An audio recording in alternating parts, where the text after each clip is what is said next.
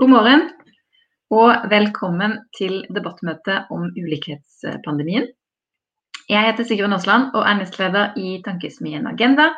Du eh, ser på et eh, digitalt frokostmøte som vi arrangerer i samarbeid med Norsk Folkehjelp, eller du hører på debatt i eh, P2. Sammen med Norsk Folkehjelp så har vi i Tankesmien Agenda skrevet en rapport som vi nylig har lansert, og som handler om de økonomiske og sosiale forskjellene som har oppstått under koronapandemien. Den rapporten skal vi diskutere her i dag. Først litt eh, mellom oss selv sammen med Norsk Folkehjelp. Eh, og deretter så skal vi få et strålende panel bestående av framtidas politikere, fire ungdomspartiledere. I løpet av den neste timen skal vi prøve å finne ut hva Norge kan gjøre for å bekjempe økende globale forskjeller. Eh, og hva som har skjedd med de globale forskjellene som en følge av pandemien som vi fortsatt står midt oppi. Betyr covid-19 at norsk bistand bør innrettes annerledes etterpå? Kan Norge bidra til å få fortgang i den internasjonale fordelingen av vaksiner, og bør legemiddelselskapene reguleres mer og bedre. Vi skal begynne eh, med å se litt på hva som skjer utenfor Norges grenser, og jeg skal få ønske velkommen til eh, Henriette Westrin, som er generalsekretær i Norsk Folkehjelp, og Katarina Bu, som er internasjonal rådgiver i Tankesmien Agenda. Velkommen og god morgen til dere. Tusen takk og god morgen. Katarina, du har på vegne av Tankesmien Agenda og sammen med Norsk Folkehjelp skrevet et notat om globale, den globale og sosiale økonomiske ulikheten som har oppstått under koronapandemien, eller kanskje var der også før pandemien. Hva er det du har funnet ut? Ja, hva har jeg funnet ut? Altså, notatet beskriver jo, som du er inne på, hvordan koronapandemien har synliggjort og forsterket noe som vi egentlig har visst veldig lenge. Men kan man si gjort overraskende lite med. Og det er jo at vi lever i en verden preget av ekstreme forskjeller. Med vekt på ekstreme forskjeller. Hele og fulle bildet av hvordan pandemien har ramma verden. Men det er altså ingen tvil om at den har ramma skjevt. Og det ser vi f.eks. hvis vi ser på de direkte konsekvensene, altså smitte- og dødstallene. Der er det jo som alle vet at eldre er ekstra utsatt. Men vi ser i en del utviklingsland, f.eks. i Brasil nå, at det blir stadig flere unge som blir eh, syke og havner på sykehus. Og Det handler bl.a. om at det er selvfølgelig mye smitte i, i Brasil og en del andre land. Men også at disse har underliggende sykdommer, de som kommer på sykehus. Men også selvfølgelig at helsesystemene i disse landene er veldig dårlig utbygd. Og eh, der hvor det ofte er sånn at det er de rike som får tilgang til den beste helsen, mens de som er fattigere ikke får det. Og så ser vi også at helsearbeidere har vært og fortsatt er ekstra utsatt. og Da er det selvfølgelig mangel på smittevernutstyr og god nok beredskap i veldig mange land. Eh, men også det at det da er svake helsesystem. og Det er jo dramatisk for utviklingsland som allerede hadde før pandemien altfor få helsearbeidere. Og så er det de indirekte konsekvensene, altså pandemiens sosiale og økonomiske effekter, som vi skriver en del om. Der ser vi at det er spesielt uformell sektor som rammes eh, hardt. Veldig mange mennesker har mista jobb og inntekt eh, som følge av nedstengingen. Eh, en av de eh, partnerne vi snakket med i forbindelse med rapporten, sa det rett ut. Vi dør jo av sult før vi dør av viruset. Og så ser vi at det er migrantarbeidere som er direkte, unnskyld, indirekte utsatt. Kvinner det er det jo mange som kjenner til. Flere kvinner jobber i uformell sektor. Og når vi snakker om uformell sektor, så må vi huske på at det i veldig mange utviklingsland utgjør opp mot 90 av de som jobber. Og de har liten fast tilknytning til arbeidslivet, ingen fast inntekt. Og veldig mange har jo rett og slett eh, mista muligheten til å jobbe som følge av nedstenging.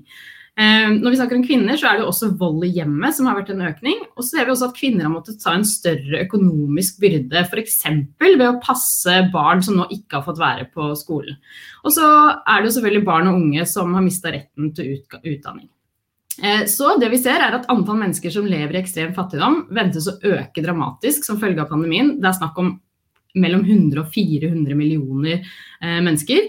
Og det er første gang på over 20 år at verden får en økning i antall ekstremt fattige. Og så vet vi også eh, at noen av de aller rikeste har blitt enda rikere under pandemien. Eh, Til sammen så er verdens 2755 rikeste verdt over 13 000 milliarder dollar, og det er 5000 milliarder mer enn for ett år siden. Og det er jo ingen tvil om at de øvre klassene som ikke har mista jobben, og som eh, kan jobbe hjemmefra, de sparer penger under pandemien. Og I utviklingsland så ser vi også at noen grupper og mennesker tjener på krisen. Alle de vi snakket med i forbindelse med dette notatet, peker på at i deres land så har det vært manglende åpenhet omkring avtaler inngått mellom myndigheter og bedrifter, sånn at noen, eh, gjerne da i den rike eliten, har tjent på krisen. Tusen takk, Katarina. Eh, Henriette Westrin, generalsekretær i Norsk Folkehjelp. Eh, Katarina snakker om forskjeller som både var der, og som har blitt forsterket under pandemien. Hva er det man kan gjøre med dette, og, og, hva er det særlig eh, sivilsamfunnsorganisasjonene som dere jobber sammen med, kan gjøre og gjør? det som jo er interessant med den eh, rapporten vi lanserer nå, er at de forskningsmessige funnene eh, og de rapportene vi får fra våre partnere, de stemmer helt overens. Så enten man ser på det liksom fra et makronivå, fra det forskningen viser, eller vi lytter til de historiene partnerne kommer med, så er det eh, sammenfallende historier. Eh, og det er jo ikke sånn at folk liksom blir passive i en krisesituasjon, eller at de lener seg tilbake og tenker på hvor synd det er på dem. De organiserer seg, de er aktive og de, de, gjør det de kan for å motvirke situasjonen. Og det ser vi jo at det er det veldig mange av våre partnere har gjort. Eh, og så er det ulikt fra land til land.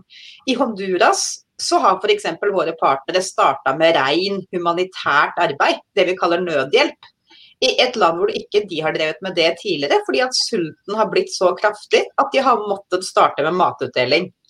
Eh, I Ecuador så har vi partnere som er eh, bønder og småbrukere. De har etablert nye markedsplasser fordi de så at plutselig forsvant matvarekjedene og det ble massiv matmangel. Så da sørga de for at mat kunne transporteres fra bønder inn til byene, og at du kunne utveksle matvarer mellom ulike deler av landet som produserte ulikt. I Zimbabwe eh, det er et av landene hvor virkelig du har det todelte helsevesenet. Eh, men også mangel på vann er et kjempeproblem. Vann, det er ikke vanntilgang inn i boligblokker. Eh, vannposter er blitt det folk er avhengig av, men også de er blitt stengt. Så våre partnere har gått rettens vei og tvunget myndighetene til å bygge vannposter og få de på plass for å sikre tilgang til vann. I Kambodsja så har våre partnere tatt opp gjeldsproblematikken. I Norge tenker vi ofte på mikrolån som noe sånn edelt og flott som eh, folk skal få tilgang til for å investere i eget næringsliv. Men det vi ser i Kambodsja er at mikrolån tas opp av folk for å overleve, for å kjøpe mat. Eh, og særlig migrantarbeidere som har blitt tvunget hjem, kommer i en voldsom gjeldsbyrde. Og det har våre partnere jobba med å ta tak i. Eh, veldig mange av partnerne dere møter i vår rapport, er anonyme. Og det er fordi at i mange land så kjemper de også mot myndighetene. De er myndigheter som ikke ønsker eh, at de skal bli sett i korta, som ikke ønsker kritiske røster. Eh, og Derfor så er det også, sier man at det vi tidligere snakka om er mindre handlingsrom for sivilsamfunn, nå er handlingsrommet blitt helt borte i en del land. Og det rapporteres om korrupsjon i mange land. Eh, her hjemme så kjenner vi jo til krisepakker som har vært ganske målretta mot de som trenger det mest. Men i mange land hvor det faktisk har vært krisepakker, så er det sånn at de treffer eh, helt skeivt. For det er faktisk eliten som sjøl tar de og beriker seg ytterligere, i stedet for at de skal gå til det som trengs. Eh, og så snakka Katarina om vold mot kvinner, og hvordan kvinner rammes. Og det vi ser i flere land, er at våre kvinneorganisasjoner, flere av de driver med beskyttelsestiltak. Tiltak eh, som krisesentre har meldt om en massiv økning i tilgangen til damer, fordi at damer er tvunget inn i hjemmet må bo der, selv om de bor i voldelige relasjoner. Sånn at Det er bare noen eksempler som våre partnere forteller om som direkte konsekvenser av pandemien. Katarina Bu Henriette nevnte krisepakker, og i en rekke rike land, og Norge blant dem, så har jo myndighetene eh, i noen grad demmet opp for de økende forskjellene som pandemien skaper, med nettopp bruk av offentlige støttepakker, kontantoverføringer, eh, trygdeytelser for de som f.eks. mister arbeid. Eh, har det vært tilfellet i utviklingsland? Har man den type buffere der? Altså, Bildet varierer jo mellom land, men mange land hadde ikke slike ordninger sånn som vi kjenner her hjemme med uførepensjon, arbeidsledighetstrygd, barnetrygd. Mange land hadde ikke noen sånne ordninger overhodet før pandemien. Eh, før pandemien så var det kun 29% av verdens befolkning som var dekket av det man kan kalle et helhetlig sett av den type ordninger. Eh, mens 45% hadde tilgang til én eller flere av eh, den type overføring fra myndighetene. Men så ser vi jo da at covid-19 har på mange måter kastet et nytt lys over statens rolle. Um, og denne myten om at liksom ut, offentlige utgifter er skadelig for økonomien, og at den bremser vekst og utvikling, det ser jo ut til å være avdekket en gang for alle. Og eh, liksom, synligheten og omfanget av alle disse krisepakkene eh, og av statlig eh, intervensjon har jo liksom, økt betraktelig. Bare se på USA nå under Biden. Og det kan jo tyde på en sånn slags gjenoppdagelse av det politiske handlingsrommet.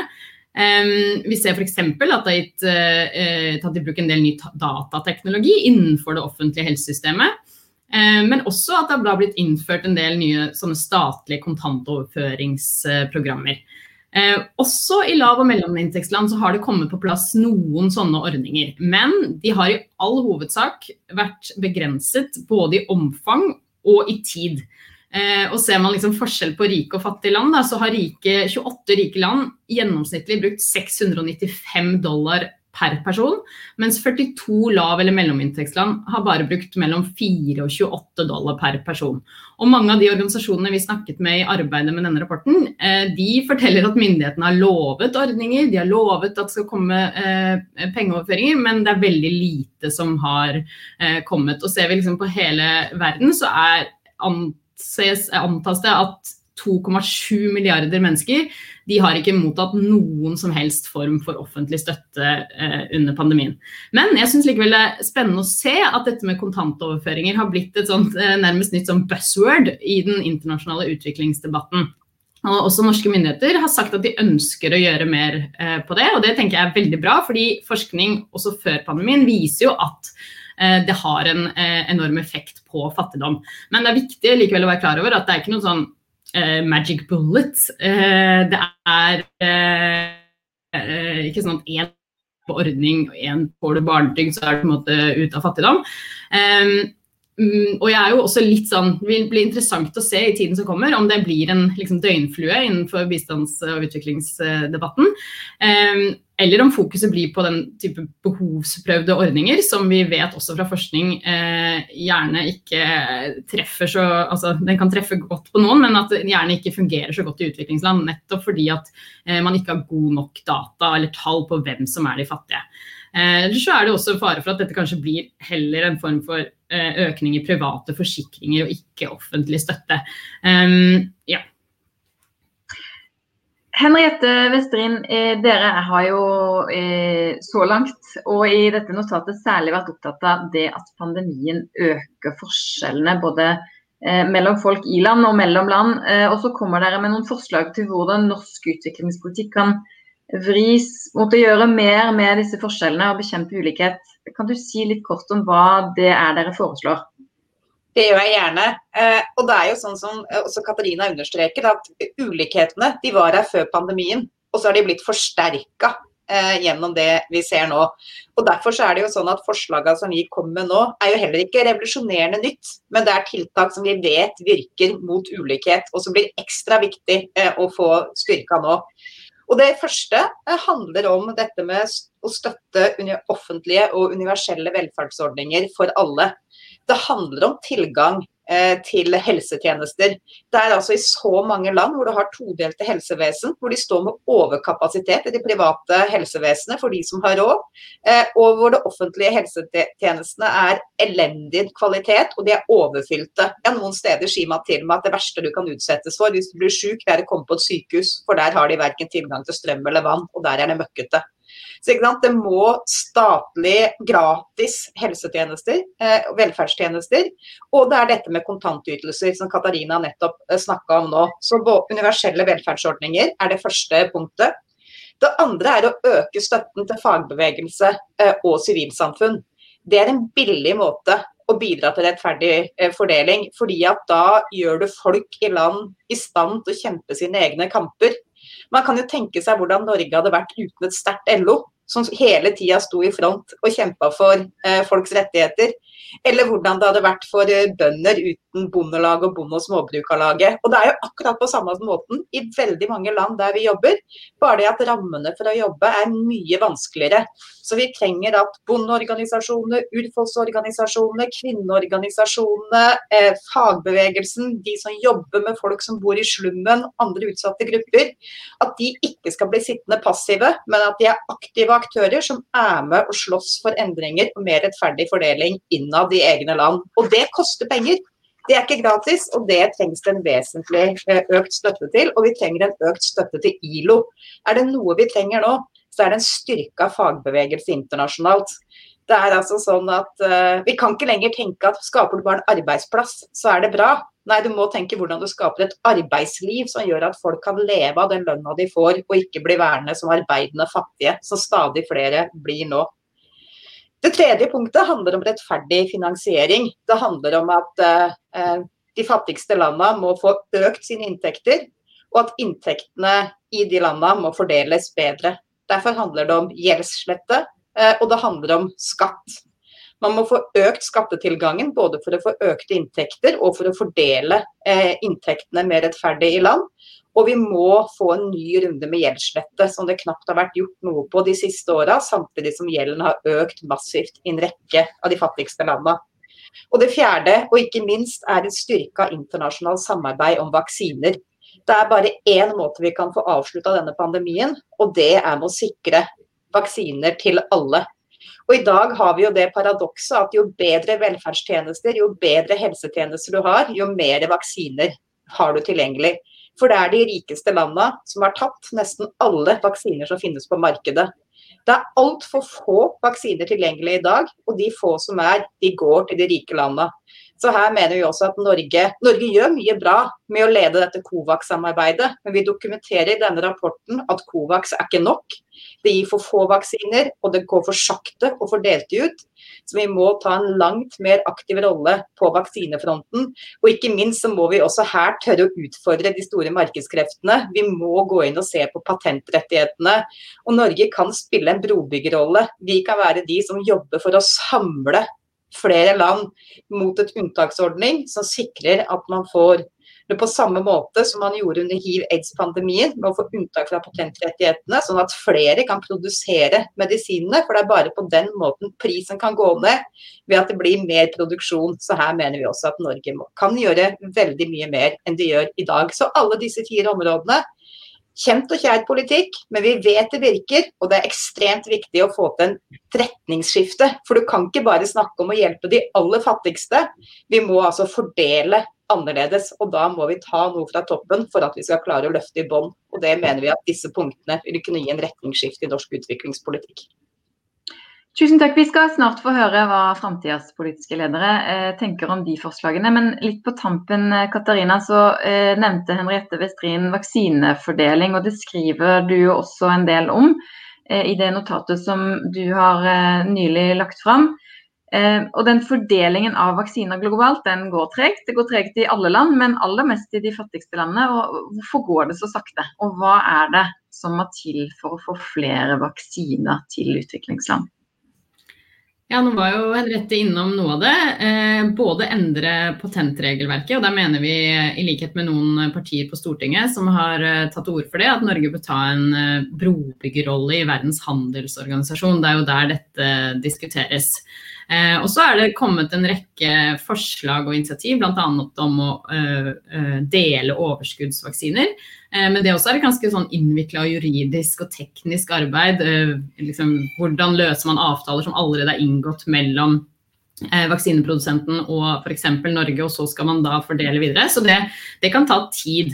Um, og så er det jo mange grunner til at det, det liksom går sakte. Noe av det handler jo selvfølgelig om at de rike landene i flere måneder nå har liksom støvsugd markedet. Og så tar det tid å bygge opp produksjonskapasiteten.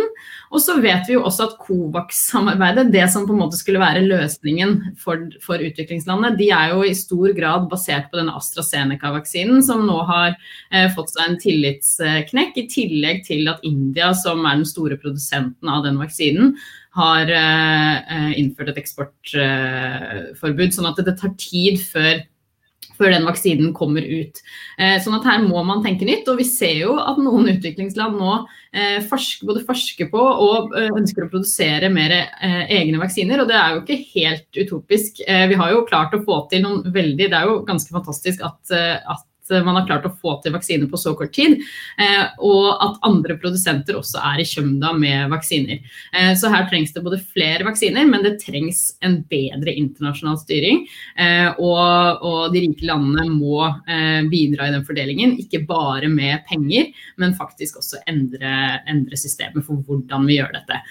Og så er det også dette med åpenhet i avtaler av, mellom legemiddelselskapene og Eh, og landene. Og ikke minst det faktum at vi har brukt mye offentlige penger på å utvikle vaksinene. Og da mener vi også, som vi skriver i rapporten, at vi kan sette tydeligere krav eh, til hvordan eh, selskapene skal opptre. Så det tipper jeg det er et spark til, til ungdomspolitikerne som skal diskutere dette. Tusen takk til Henriette Westrin, generalsekretær i Norsk Folkehjelp, og Katarina Bu, internasjonal rådgiver i Tankesmien Agenda. Jeg skal bare minne om at eh, du ser på frokostmøte i regi av Tankesmien Agenda og Norsk Folkehjelp, eller kanskje du hører på debatt i P2 der vi diskuterer ulikhetspandemien og hvordan eh, den globale pandemien har påvirket fordelingen eh, av penger og hoder i verden. Det er jo politikere som tar beslutninger om både prioriteringer og innretninger av norsk utviklingspolitikk, og det er problemer vi ikke løser over natten. Og Derfor har vi invitert framtidas politiske ledere hit i dag. Det er både fordi eh, det er de som eh, har uttalt seg tydeligst om den internasjonale fordelingen av vaksiner, og fordi de er kloke hoder som bør lyttes til. Og Denne våren har eh, partiene landsmøter, til høsten er det stortingsvalg. Og vi skal spørre ungdomspartiene om de vil bruke utviklingspolitikken i kampen mot global ulikhet. Da skal jeg få ønske velkommen eh, til eh, Astrid Hoem, som er eh, leder i AUF. Synnøve Snyen fra Sosialistisk Ungdom, Edel Marie Haukland, Kristelig Folkepartis Ungdom og Andreas Bronstrøm, Fremskrittspartiets Ungdom. Hjertelig velkommen og god morgen til dere.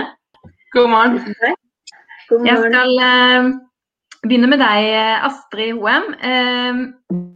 Det er vår, og det er landsmøtetid. Eh, og det er kanskje andre saker enn bistand og utviklingspolitikk som står aller høyest på agendaen på mange av landsmøtene.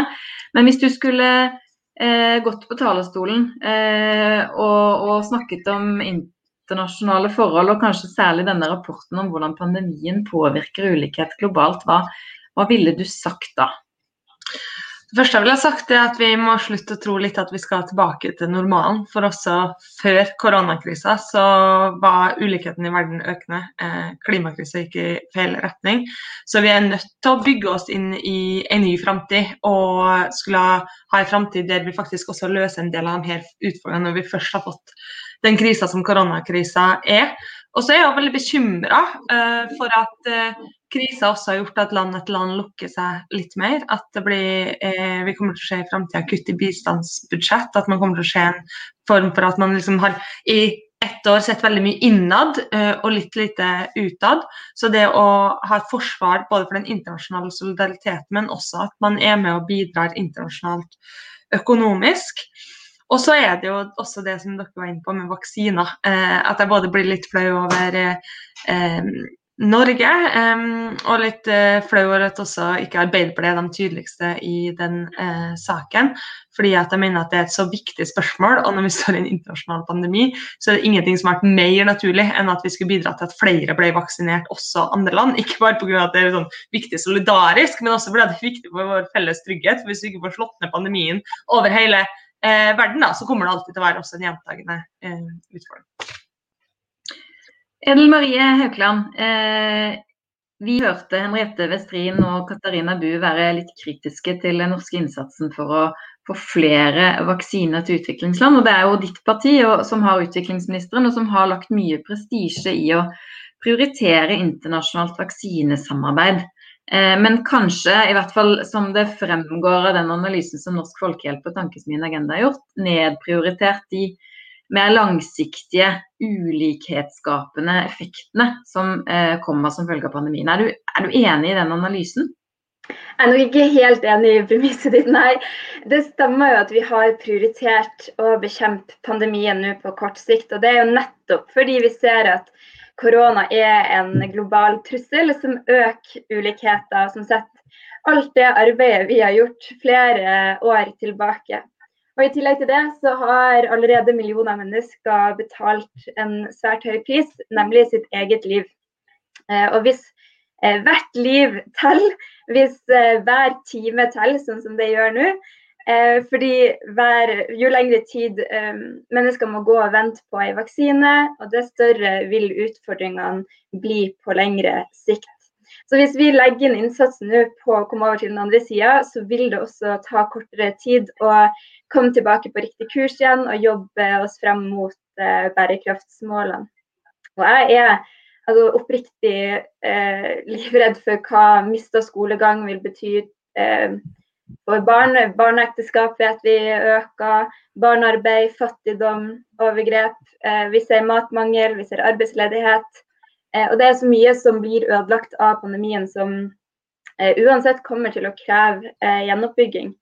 Og Da er det viktig at vi også er klare da til å bygge samfunn, til å bygge strukturer. Både i utviklingsland, men også på tvers av land. Um, at vi gjør det på en måte som, som, tar verden fremover i riktig retning. At vi tenker grønt, at vi tenker likestilling. At vi tenker å løfte sårbare grupper, som er de som vi eh, prioriterer i, i bistandsarbeidet. Så det stemmer at vi har prioritert vaksinesamarbeid og umiddelbar respons på pandemien. Men eh, vi har ikke nedprioritert uh, kampen mot ulikhet. Tvert imot. Det er derfor vi går så hardt ut. Eh, og I tillegg til det så fokuserer vi utviklingspolitikken på nettopp skole, fordi vi vet at det er enormt viktig. Grønn gjennombygging fordi klimakrisa er ikke satt på pause. sosiale sikkerhetsnett og, og arbeid. sånn at Eh, vi kommer ikke tilbake til den normalen vi kjente før pandemien, det tror jeg ikke kommer til å skje. Men vi skal tilbake til eh, en annen og forhåpentligvis mer rettferdig verden etterpå. Ingenting er eh, nedprioritert, Andreas, men dere i Fremskrittspartiet har jo i, også i årets bistandsårets budsjett eh, gjort det dere kan for å kutte i bistandsbudsjettene. Eh, synes du at det er riktig tid nå å kutte i bistand, eller er det noe som er annerledes i den situasjonen vi står i nå? Nå står vi jo også midt oppi en nasjonal krise, og jeg mener jo at det er eh, vår jobb som eh, politikere i eh, Norge å ivareta norske interesser først. Og når vi har håndtert våre umiddelbare presserende utfordringer, så skal vi selvfølgelig gjøre alt vi kan for å også hjelpe andre. Og så må jeg jo si at å kutte i bistandsbudsjettet er riktig og god politikk. Eh, man må satse på en mer effektiv bistand. Man ser at bistanden ikke har fungert godt nok generelt. Eh, selv om vi gjerne skulle håpa på det. Eh, så er det det som er resultatet. Man ser faktisk ikke et eneste land som har gått fra å være avhengig av bistand til å kunne eh, klare seg uavhengig av bistand. Og det er jo det som er hele formålet, målet med bistand. Det er jo at man skal hjelpe folk til å klare seg, eller hjelpe land til å klare seg uten bistand i, i fremtiden. Men jeg syns eh, på mange måter at det er en god og viktig rapport. Eh, fordi det det viser, det er at vi er nødt til å håndtere de nasjonale utfordringene først, før man eh, ser utover eh, verden og prøver å løse de andre utfordringene. Og Det ser man jo f.eks. med India, som ble nevnt i innledningen. De også eh, tenker på egne interesser først og vedtar et eh, eksportforbud for AstraZeneca-vaksinen. Noe som vil ramme mange andre land direkte negativt, også eh, land i Europa. Så, men eh, jeg syns samtidig at den eh, viser at eh, Korona har selvfølgelig vært en eh, krise for hele verden, og man har blitt rammet ulikt. Og i mange tilfeller så ser man også at det er de som eh, allerede er mindre ressurssterke, som har blitt rammet hardest. Og det er selvfølgelig eh, urettferdig. Eh, da tror jeg mange har lyst til å, å, å svare deg, men det er Synnøve sin tur. Eh, så Synnøve Snyen, leder i, i SU, eh, både til det de andre har sagt og, og til det vi hørte tidligere i innledningen i dag om hvordan pandemien påvirker globale forskjeller. Er det noe lille Norge kan bidra med i kampen mot både pandemi og, og global ulikhet? Er det noe vi burde gjøre annerledes? Det er absolutt mye Norge kan eh, bidra med. Ehm, og først vil jeg bare si til Andreas og FPU at dere vil jo ikke forbedre bistand, dere vil jo kutte all bistand. Eh, og det syns jeg er helt eh, vilt å høre på, fordi jeg mener at Norge som et av verdens rikeste land har et stort ansvar for å hjelpe andre land. Og, men heldigvis så er flertallet av oss som er unge uenig med FPU her og mener at en annen verden er mulig, men det krever politisk vilje til å skape forandring. Og det er tydelig at FPU ikke har vilje til å gjøre noe med den enorme ulikheten som er i verden. Og for oss er det viktig å få fram at det er jo ikke mangel på penger i verden, det er mangel på rettferdighet. Og når åtte personer eier like mye som halve verdens befolkning, så er vi nødt til å fordele makt og rikdom mer rettferdig. Og der mener jeg Norge kan spille en helt avgjørende rolle gjennom bl.a. å ta kampen mot skatteparadiser og kapitalflukt. Og jeg mener at Norge må ta et mye større lederansvar internasjonalt for å få gjort noe med dette. For i dag så taper mange utviklingsland milliarder hvert eneste år fordi selskaper unndrar seg skatt. Og de, mer, eh, de, taper mer skatt enn det de får i bistand. Sånn at det er åpenbart noe som er alvorlig galt med det økonomiske systemet vi har i dag. Og det har aldri vært flere dollarmilliardærer i verden enn i 2020. Og deres samlede formue har heller, heller aldri vært større. Og det er samtidig som antallet som lever i ekstrem fattigdom kommer til å øke for første gang på 20 år. Det er mangel på rettferdighet, ikke mangel på penger. Og derfor må Norges bidrag være å fordele makt og rikdom mye bedre enn det som er tilfellet i dag. Eh, Astrid, Tror du vi blir, eh, blir vi mer opptatt av eh, egne interesser og på en måte det som skjer her hjemme når vi står i en sånn krise som vi gjør nå? Det, eh, gjør det noe med viljen til ikke bare eh, FPU kanskje, men andre også, til å eh, jobbe med å utvikle eh, jobbe med utvikling i andre land? Jeg tror liksom at det brede flertallet alltid er opptatt av internasjonal solidaritet og syns det er urettferdig når man hører at, eh, at det kommer til å ta to-tre år før man får satt de første vaksinedosene i en del land. Men så tror jeg at vi også har et ansvar for å ansvarliggjøre politikerne. fordi at det blir jo enda mer man skal levere på hjemmebane når arbeidsledigheten er høyere. Og da kan, har vi ikke lov til å sette skille mellom at enten gjør du det, eller så gjør du det.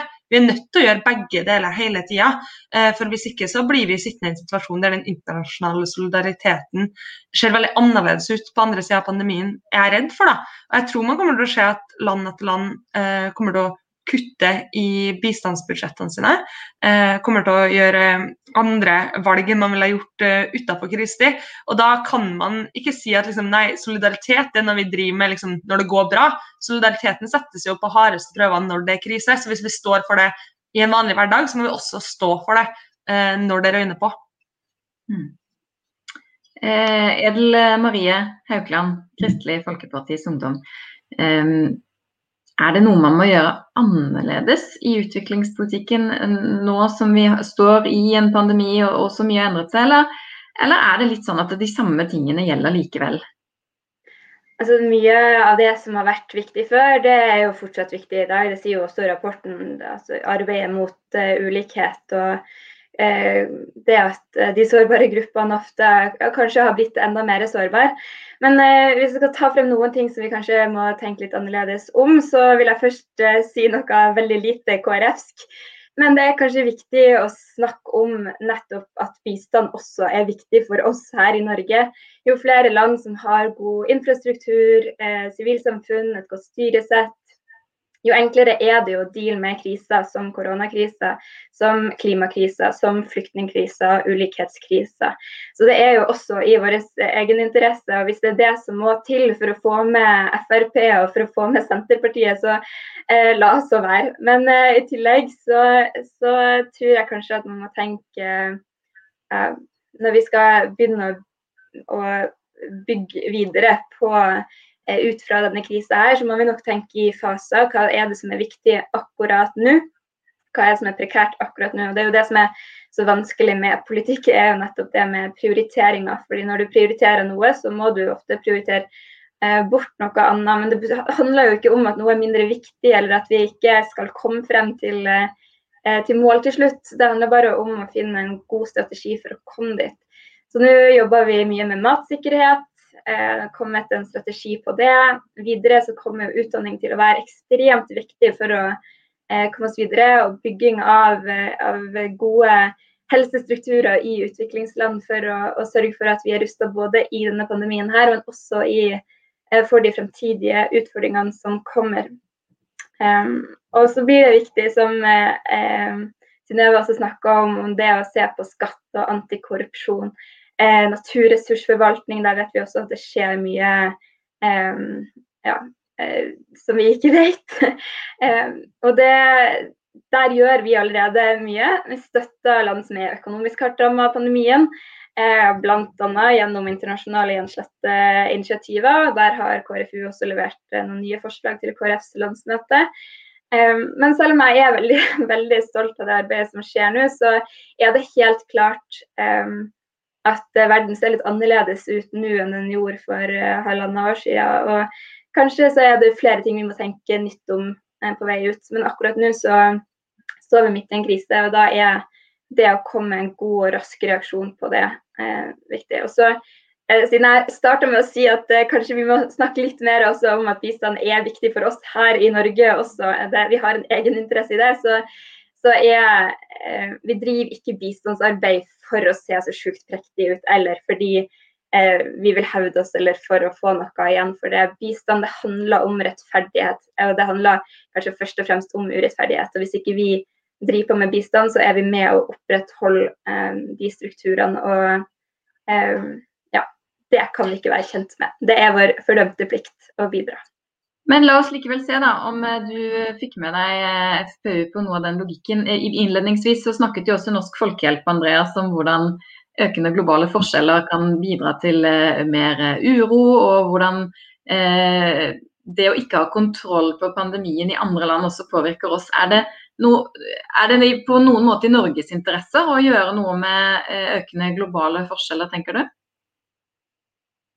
Ja, det tror jeg absolutt. Og det må vi jo eh, bruke altså, vi, vi, må gjøre alt vi kan for å hjelpe andre land til å eh, komme seg best mulig ut av denne krisen. Det er det jo ingen tvil om. Og Norge er også i den posisjonen hvor vi har mulighet til å hjelpe andre. Men så må vi også huske på at vi står i en eh, krise selv. Vi har ganske store presserende utfordringer, både når det kommer til eh, kapasiteten på intensivavdelingene, på vaksineringen, på smittenivået. Eh, samfunnet og næringslivet for øvrig. Psykisk helse blant barn og unge som har blitt utsatt for hjemmekontor, hjemmeskole, lockdown.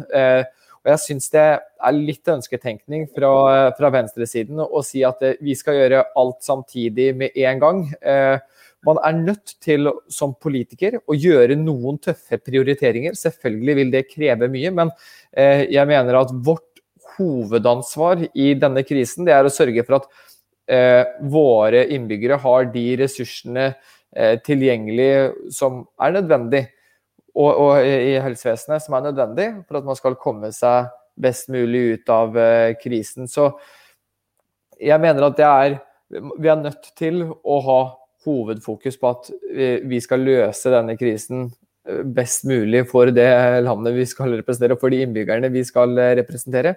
Og så skal vi selvfølgelig i tillegg til det gjøre alt vi kan for å hjelpe resten av verden til å komme best mulig ut av krisen. Synnøve, må vi som på flyene ta på egen maske før vi hjelper andre? Nei, jeg syns Astrid sa det godt i stad, at man er nødt til å klare å ha to tanker i hodet på en gang. Og jeg syns at det Andreas fra FPU sier, viser ganske tydelig at eh, man ikke har skjønt at det ikke er mangel på penger som er problemet, men mangel på rettferdighet. Og at eh, regjeringen og Frp i, eh, når man lagde årets statsbudsjett for Norge, prioriterte å bruke over to milliarder på skattekutt til de på toppen, heller enn å skape mer rettferdighet. Det syns jeg taler for seg selv, og da syns jeg ikke det er så overraskende at det heller ikke er prioriteringen til Frp i utenrikspolitikken. Og jeg mener at Problemet er at det er mangel på rettferdighet, og at vi har enorm sosial ulikhet i verden, men også i Norge. Det har aldri vært flere milliardærer i Norge enn det er nå. Samtidig så vokser rekordmange barn opp i fattigdom. Og akkurat sånn er det i resten av verden også. Det er rekordmange milliardærer. Ulikheten har aldri vært så stor som den er nå. Samtidig så eh, prioriterer man ikke å gjøre noe med det. Så jeg mener at det er helt avgjørende at Norge tar en leder, lederrolle i å få ned eh, de sosiale og økonomiske forskjellene. og Derfor må målet med utviklingspolitikken være å jobbe mot de økonomiske strukturene som både skaper, men også opprettholder fattigdom og ulikhet i verden. Vi må bevege oss litt videre til spørsmålet om vaksiner. Jeg skal bare minne om at du ser på frokostmøte med Norsk Folkehjelp og Tankesmien Agenda, eller kanskje du hører på debatt i P2. Og vi snakker med ungdomspartilederne våre om hvordan vi skal håndtere den globale pandemien. Og Edel Marie Haukeland, ditt parti og din utviklingsminister har, som vi var inne på i stad, prioritert høyt å få vaksiner ut til fattige land. Eh, men bare en halv prosent av befolkningen i de fattigste landene har så langt fått vaksine, og mye tyder på at mange må vente både to og tre år før de får vaksine, og kanskje lenger. Betyr det at Norge har mislyktes med sitt ivrige vaksinearbeid? Nei, det vil jeg ikke si. Vi har, vi har så vidt gått i gang. Vi har, tatt, eh, vi har en lederposisjon i det arbeidet. og Det er jo nettopp fordi at vi ønsker å være en Eh, en pådriver og sørge for at det skjer på en eh, så rettferdig måte som mulig. Eh, og så er det jo sånn at det er ikke perfekt. Det er ikke 100% rettferdig. Men i motsetning til hva FPU tror at man kan få til, så kan man faktisk få til to ting på én gang. Så i tillegg til å, å, å gjøre veldig mye her hjemme, så Eh, har vi fått til enormt stor bevegelse på feltet internasjonalt også. Det er nå eh, litt over et år siden koronaviruset virkelig begynte å spre seg ut i verden for alvor. Og På den tida har vi laga flere ulike vaksiner. Vi har betalt for flere enn vi trenger nettopp for å donere dem. Og vi har laga internasjonale samarbeid som Covax for å sikre en rettferdig fordeling. Og at det tar for lang tid, det helst skulle vært gjort i forfjor, det er helt klart. Men vi kan heller ikke se bort fra det fremskrittet som faktisk eh, har vært. Det som tidligere har tatt ti år, det har vi nå gjort på ett. Og det er, helt, det er kjemperadikale fremskritt som gir meg i alle fall veldig mye tro på at eh, mye kan skje det neste året også. Um, så jeg vil si at her er vi så vidt i gang. Både her hjemme er det mye som gjenstår, men også spesielt ute i verden for å sikre en rettferdig eh, tilgang til vaksine. Um, mm.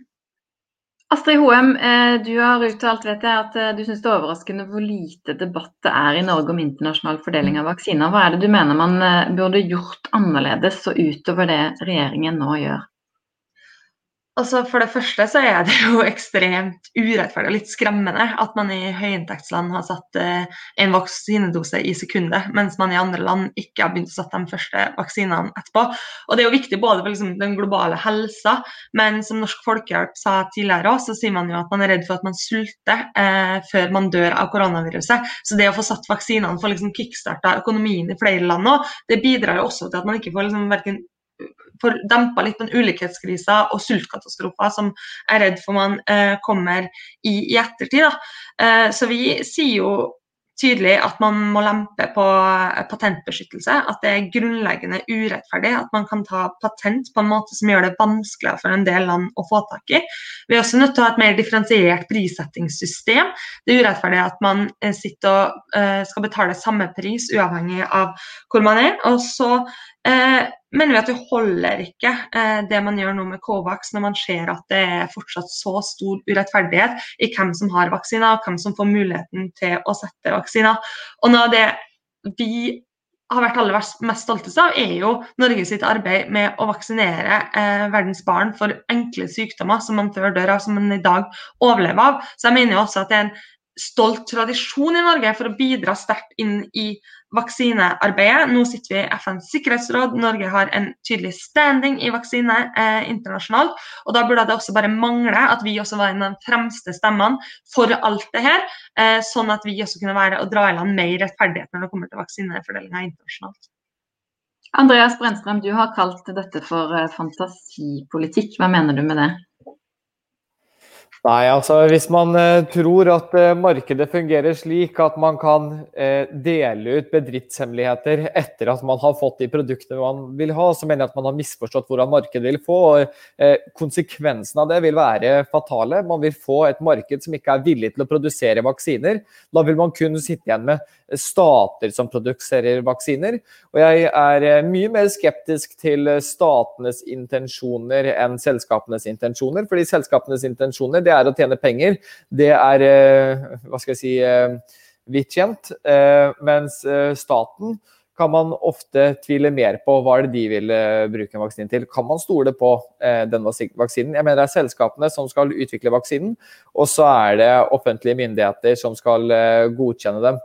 Men så må jeg bare svare litt av det som blir sagt der. Fordi man vil eh, gjerne få til to ting, og det eh, håper jeg at vi, vi, lykkes med. Og vi i FB vil helst få til mange ting. Men det jeg kan garantere, er at eh, vår politikk vil lykkes bedre med å ivareta norske interesser og eh, løse de norske utfordringene. Og i en krise så mener jeg faktisk at det må være vårt fokus nummer én. Og da reagerer jeg egentlig på at alle de andre partiene er så opptatt av at man skal styrke bistanden der ute, fremfor å snakke om hvordan man skal løse de utfordringene man allerede står midt oppi her hjemme.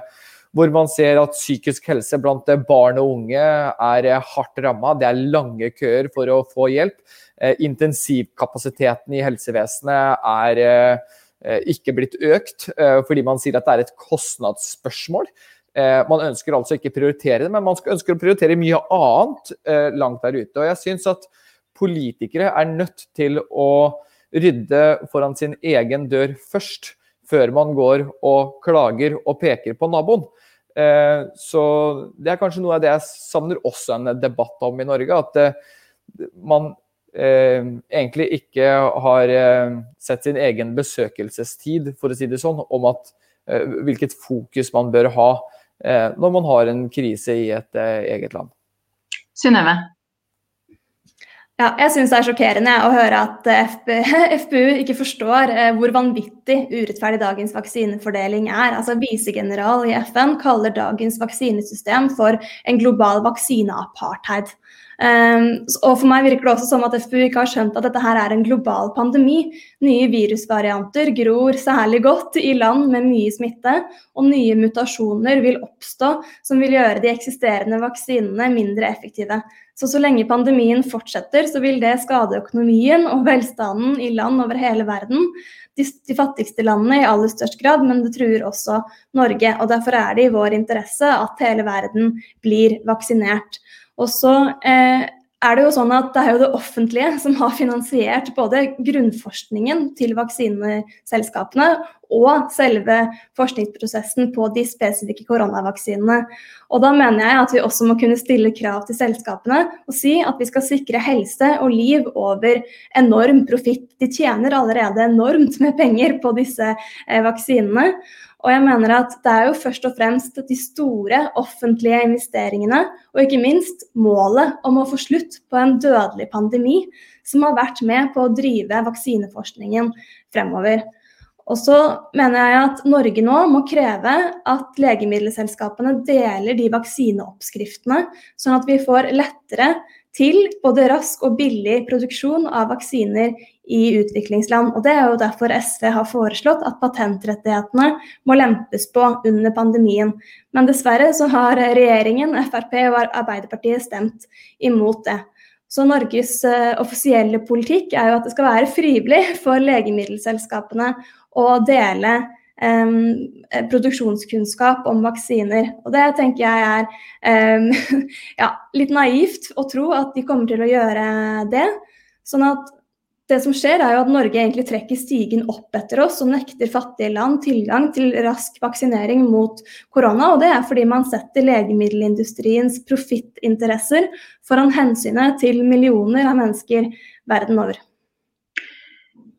Vi eh, rekker eh, ikke å lande hele vaksinedebatten i dag. Jeg tror du fikk med deg AUF, om ikke Arbeiderpartiet, på i hvert fall en del av forslagene dine, Synnøve.